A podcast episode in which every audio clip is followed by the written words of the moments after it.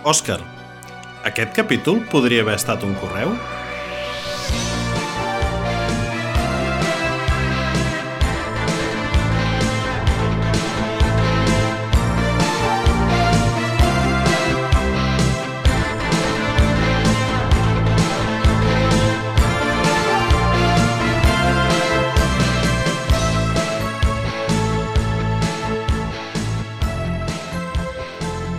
Honestament, espero que no, perquè si no ja podem anar tancant la paradeta. Però mm, em puc imaginar per on vas i, i, i crec que m'agrada m'agrada que em facis aquesta pregunta. Parlem de reunions innecessàries, no? De, de quan o, o com hem avançat per, per poder i quines eines tenim que encara ens requereixen de muntar reunions pràcticament per tot, per prendre qualsevol decisió i tal, i realment crec que encara estem bastant lluny de, de poder optimitzar bé la manera en què ens comuniquem, la manera en què decidim i, i seguir fent ús d'eines que porten molts anys, com és el correu electrònic, que sembla que tothom tenim, tenim, tenim compte de correu a la, a la feina o a les empreses i realment el rebem únicament per notificacions automatitzades. Però per comunicació, per deixar per escrit coses i per informar, fem un ús mínim. Què en penses? Penso que avui estàs batent el rècord de d'obrir melons ben aviat. M'agradaria parlar un dia amb molta calma uh, sobre el desgavell que es produeix tenint múltiples uh, safates d'entrada, per dir-ho d'alguna manera. És cert, el correu electrònic s'ha convertit en una safata d'entrada més de notificacions, igual que podrien ser les notificacions del mòbil, les notificacions de GitHub, les notificacions de Trello, les notificacions de Gira, les notificacions de tot. Hmm.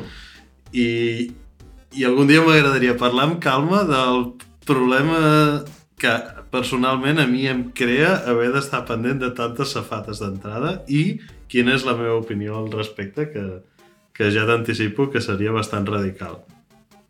Dit això, responent a la teva pregunta, uh, jo crec que les reunions estan, estan molt bé. Jo crec que reunir-se està molt bé, però està bé reunir-se de, de manera que quatre o cinc coses estan molt clares per tothom que va a una reunió. La primera és...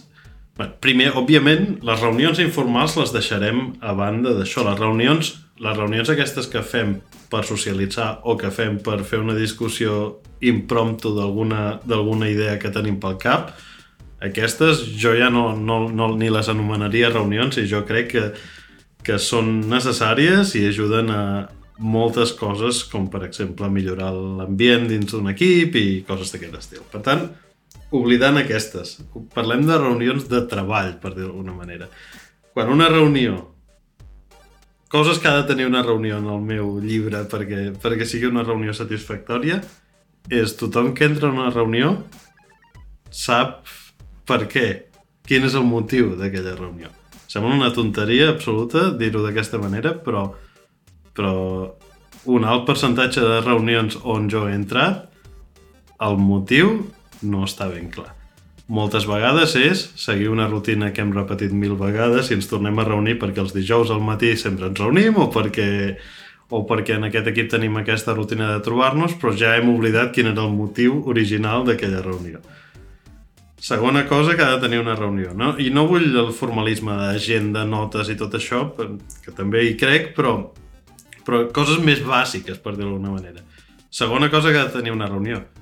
Tothom que hi és ha d'estar més o menys preparat o versat en el tema que s'hi ha de discutir.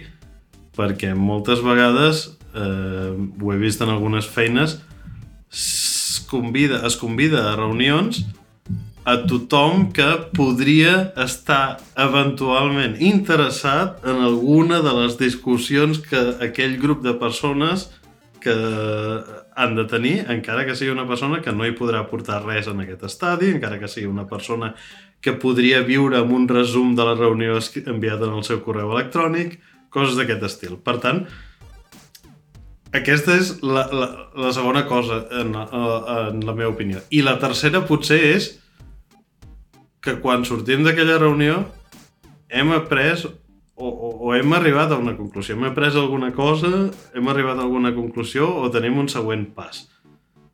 Sí que pot ser que el següent pas és no hem arribat a cap conclusió, ens hem de tornar a, a reunir perquè ja estem bloca blocats i no tenim... no hi ha consens. Això és correcte. Però eh, llavors, en aquest cas, la solució no és esperar a la següent instància de reunió sense propòsit per continuar la discussió que hem començat avui. Eh, En aquest cas, el següent pas és anem a intentar resoldre les preguntes que ens ha quedat obertes abans de tornar-nos a reunir i llavors ens tornem a reunir per continuar. Bé, eh, tinc una frustració personal perquè quan vaig arribar a Suècia és un país que és molt ineficient en quant a reunions, això és una cosa que molta gent no, no, no se la imagina, però allà es fan reunions per decidir quan es fan reunions i, i és, un, és un esport corporatiu nacional. Bé. Sí, sí. Que, que, que, en la teva opinió, que, quines coses són importants en una reunió i quan una reunió està motivada, per dir-ho d'alguna manera? Per mi, més que el... Tenir, tenir molt clar, o sigui, anant una mica pels punts que has dit, no? Tenir, tenir clar el motiu pel qual es fa una reunió, sí que crec que és, que és important, però crec que hi ha un altre factor que és com més crític per decidir si has de fer la reunió o no, que és quin és l'objectiu, què es pretén resoldre en aquesta reunió. I tenir clar que quan la reunió acabi, en la mesura del possible, aquest objectiu s'ha de complir. Ja sigui una decisió, ja sigui... Um, hi, ha, hi ha molts tipus de, de reunions a les que anem en el nostre dia a dia. Reunions a les quals assisteixes com a oient, perquè es transmet un missatge i, i bé, et pot interessar o no et pot interessar, però bàsicament no has de participar. Reunions en les quals se't requereix que participis activament, doncs, bueno, crec que, que és important que puguis participar i puguis ser partícip d'aquest objectiu. Si, si no és el cas, no, no, no té cap tipus de sentit per mi. O sigui, jo m'he trobat en moltes reunions en les que, primer, el títol ja és ambigu. L'agenda, i, i podem, podem parlar ara de, la, de les agendes, eh, no es compleix. Vull dir, vas a una reunió de mitja hora amb una agenda de 8 punts a tractar.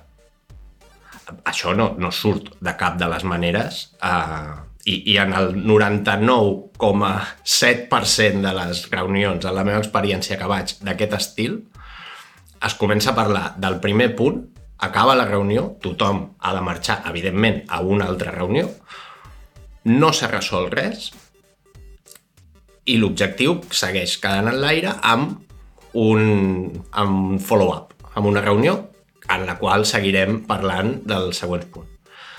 Referent a les agendes, crec que, bueno, les agendes estan bé, crec que aquest tipus de formalismes, bueno, doncs dona una miqueta de, de, de cos a la reunió, però siguem curosos, home, si posem una reunió de 30 minuts, no fotis 8 punts a, a tractar, a no ser que sigui de, de votar sí o no, no? un yay or nay i ales, next.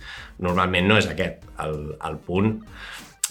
I si fos aquest el punt, llavors aquestes reunions sí que podrien fer-se per canals uh, d'una altra manera, que s'ha fet publicitat, no? però és l'acte un sistema d'enquestes collonut per evitar aquest tipus de, de, de temps invertit en algú que podries estar fent una altra cosa. Um, referència a això, també crec que hi ha un factor, un rol que és important a les reunions i que, i que ajuda moltíssim, que és el timekeeper. O sigui, aquella persona que està a la reunió i participa activament, però a part desenvolupa també el rol de ei, portem 10 minuts parlant d'això.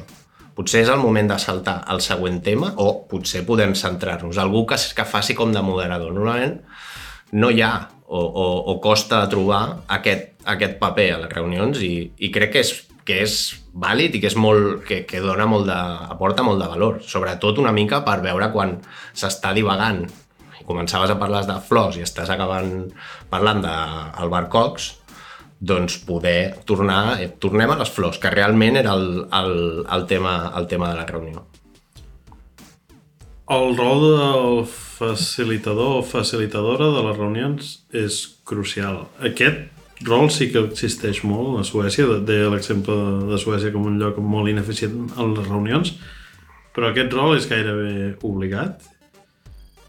En la meva opinió, de vegades també funciona quan aquest rol el juga algú que no hi té que no hi té paper Mhm. dins perquè, perquè és algú que es pot, pot ser percebut com a més Imparcial. neutre, sí, exacte, imparcial. Per tant, per tant jo també el considero un, un, un rol bastant important i un rol que, que ajuda a mantenir les coses eh, eh, sota control. Potser un tema, vull, demanar-te la teva opinió al respecte, un tema, un tema interessant és calen... És possible que moltes reunions eh, realment estiguin succeint perquè hi ha un problema de confiança vers un equip que ha de prendre una decisió o vers dues persones que tenen encomanada una tasca o vers... És a dir, cal que tothom sigui partícip de qualsevol decisió d'un equip, per dir-ho d'alguna manera. Jo, la meva opinió és que, que, que no, que de vegades ens passem i que de vegades si, quan delegues una cosa la delegues assumint que les coses no aniran tampoc eh, pel camí per on sempre pel camí per on tu voldries. Però delegar vol dir això. Delegar vol dir confiar, acceptar i, i menjar-nos uns quants gripaus si cal. No sé, creus que hi ha algun que, creus que hi ha un problema de confiança que fa que ens haguem de reunir davant de molta gent, amb molts rols, amb molts de diferent rang, coses d'aquest estil? Sí. sí, rotundament sí, i a part vaig més enllà. Crec que hi ha un gran problema a l'hora de prendre decisions. O sigui, l'accountability a l'hora de prendre una decisió crec que és un, és un dels grans problemes que té aquest sector perquè és el que conec, o, o la nostra indústria perquè és la que conec, però crec que s'extén a, a diversos o a diferents sectors de sectors diferents. O sigui, jo ara seré, seré condolent i seré molt crític. Crec que hi ha moltes reunions en les quals, per mitigar aquesta mancança de poder prendre decisions, o sigui, són, i no sé com dir-ho, estava buscant a Google la traducció, són em- emboscades, o sigui, són embuix de, de, de posar gent a prendre una decisió sense potser tenir tot el context. I això per mi és altament problemàtic i deriva en una quantitat de problemes um, a posteriori a l'hora d'entrega, de confiança, que, que, que és així. O sigui, jo crec que tornant a l'inici, les reunions han de tenir sentit, han de tenir els actors adequats, han de tenir gent que hi vagi amb capacitat de poder manifestar una opinió i contribuir a aquesta presa de decisió.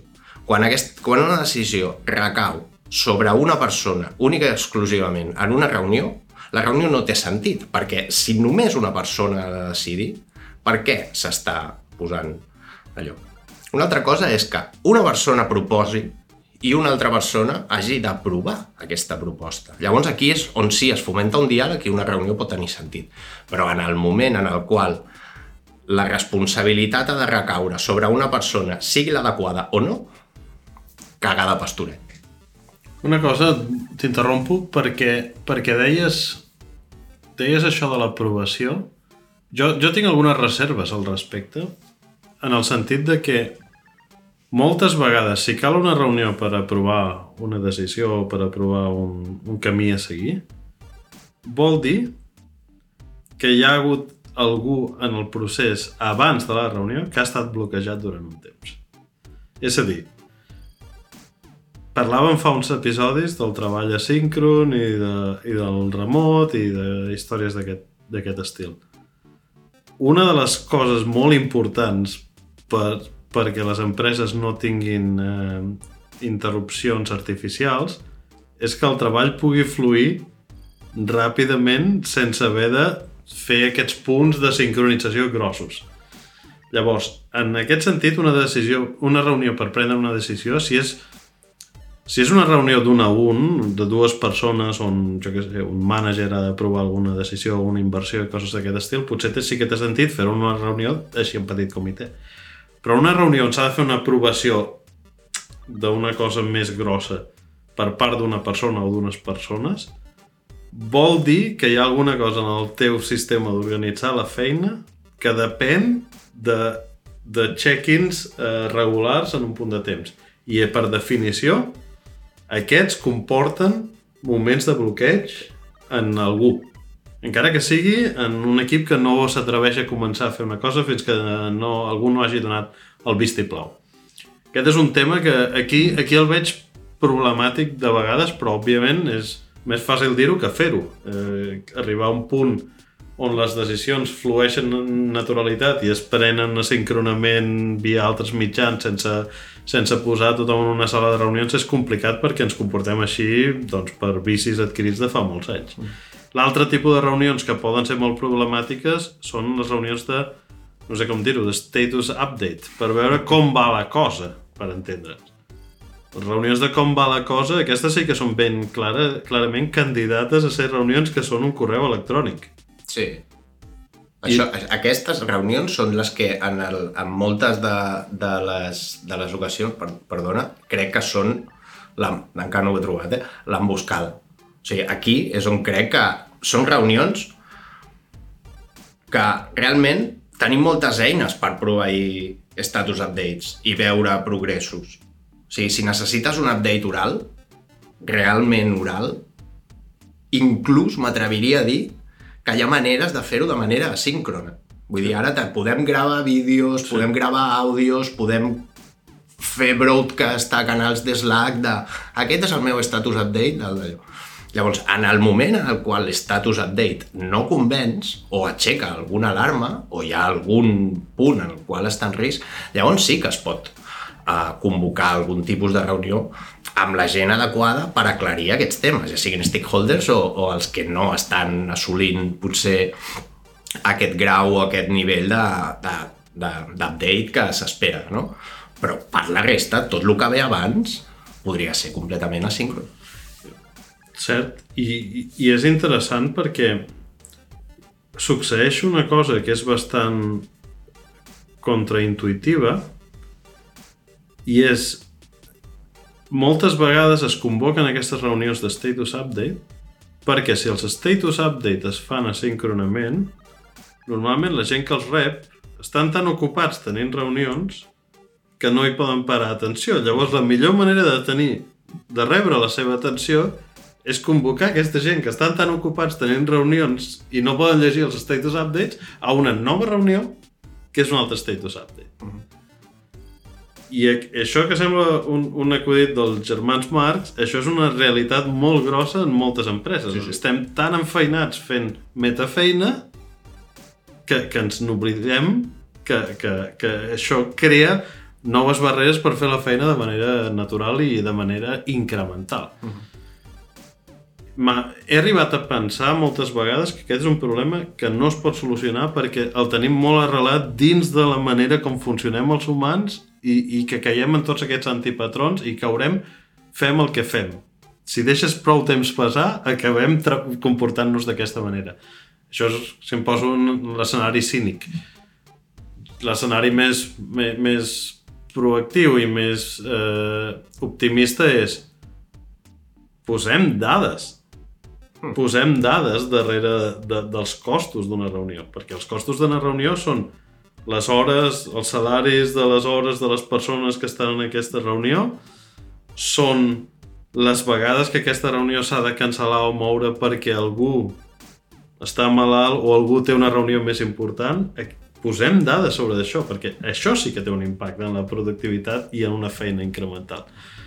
Però, però hi ha converses molt dures que s'han de tenir per poder fer un canvi així i moltes vegades les persones que haurien de liderar aquestes converses són les persones que realment són els causants número 1 d'aquest tipus d'ineficiències. I llavors, mm, d'un dia per l'altre, la cosa no s'acaba arreglant, tampoc.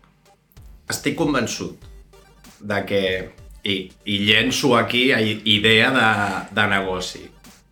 Connectar el time tracking del calendari de Google amb qualsevol dels sistemes de recursos humans. Linkar els atendits d'una reunió amb el cost d'aquella reunió. O sigui, això no sé si existeix. Existeix. Hi ha un dispositiu físic que és un rellotge que et va comptant O dòlars. sigui, exacte. Sí, sí, doncs amb això, o sigui, la gent que després pren decisions a l'hora de retallar, d'optimitzar costos i tal i qual, si rebessin aquesta informació, estic convençut de que molts d'aquests processos, perquè crec que seria enlluernador per molta gent en els càrrecs al veure el temps i els diners invertits en reunions. O sigui, estic convençudíssim.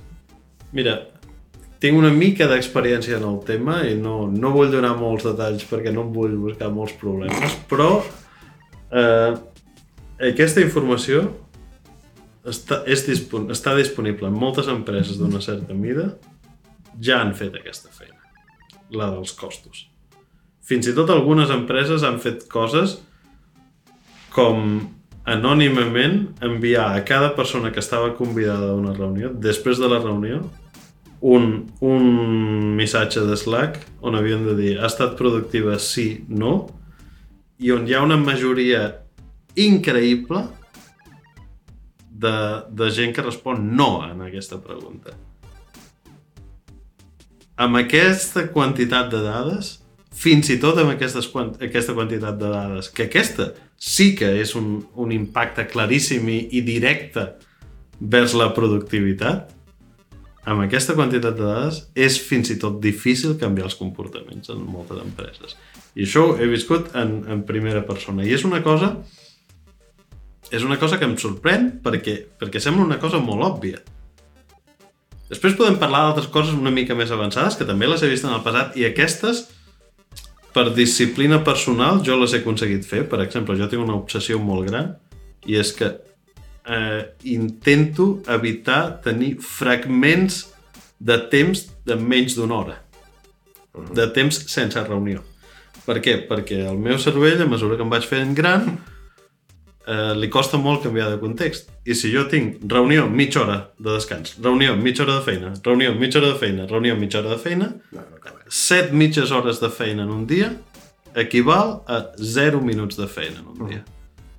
Per tant, prefereixo tenir totes les reunions concentrades, una darrere l'altra, si puc, òbviament no depèn de mi el calendari, si puc, prefereixo tenir totes les reunions concentrades i llavors tenir un bloc el marco i el premarco en el meu calendari, un bloc de aquesta estona no, no m'interrompeu, perquè si no, no faig feina. Però aquesta disciplina que alguna gent eh, aconsegueix tenir, el sistema complet d'una empresa, tot i que les dades són molt palpables i molt òbvies, no, no el pot corregir. Hi ha una força molt dura que, que, que estira cap a aquest comportament. Clar. Però perquè aquesta disciplina és a nivell individual i corregir el canvi ja no és en, en, en què la gent organitzi el temps i dediqui el temps, és senzillament previndre ocupar el temps en aquest, en aquest tipus de... Jo també tinc els meus patrons de...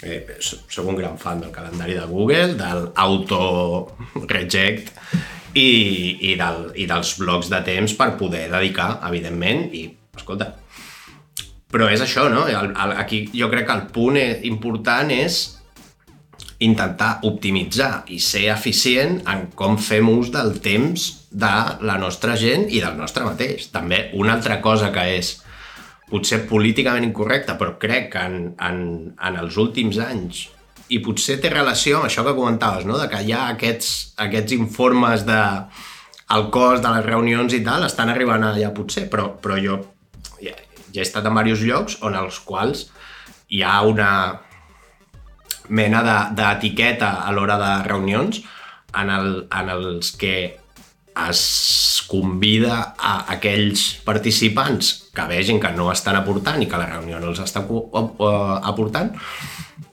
a sortir sense cap tipus de problema.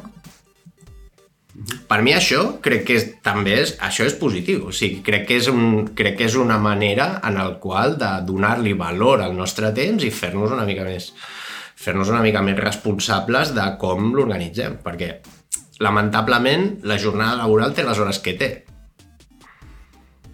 I si de 8 hores que suposa que hem d'estar treballant, depenent de quins països, eh?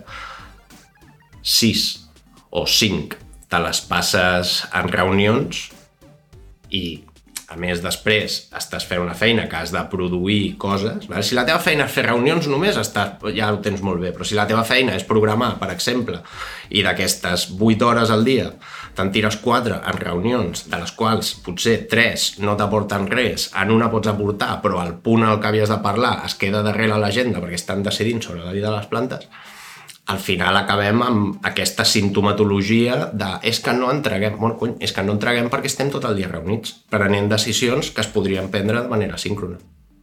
Correcte. Que avui vinc amb la destral, eh? Sí, sí, sí, ja et veig, eh? Està bé. La, això que deies de marxar quan no, quan no hi contribueixes és una cosa que havíem practicat en una feina anterior, és un concepte que ve del món agile que es diu The Law of Two Feet, la llei dels dos peus, Sí. que vol dir que si en, un moment, en qualsevol situació et trobes en un lloc on no estàs contribuint o no estàs aprenent, eh, t'has de sentir capaç i motivat per agafar i marxar.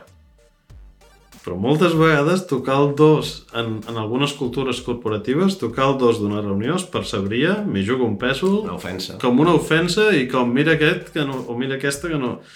Uh, també jo prefereixo sempre anar una mica més enllà i pensar què podem fer abans de crear una situació on hi hagi molta gent no contribuint com hem arribat a aquesta situació on, ja, on, on estem en un lloc on hi hagi tanta gent que no estigui contribuint. Uh -huh. Potser abans de cloure hauríem de parlar de coses, reu- reunions que són bones, perquè aquí la gent deu pensar que aquests dos eh, són uns antisocials, no volen parlar amb ningú, no volen veure ningú.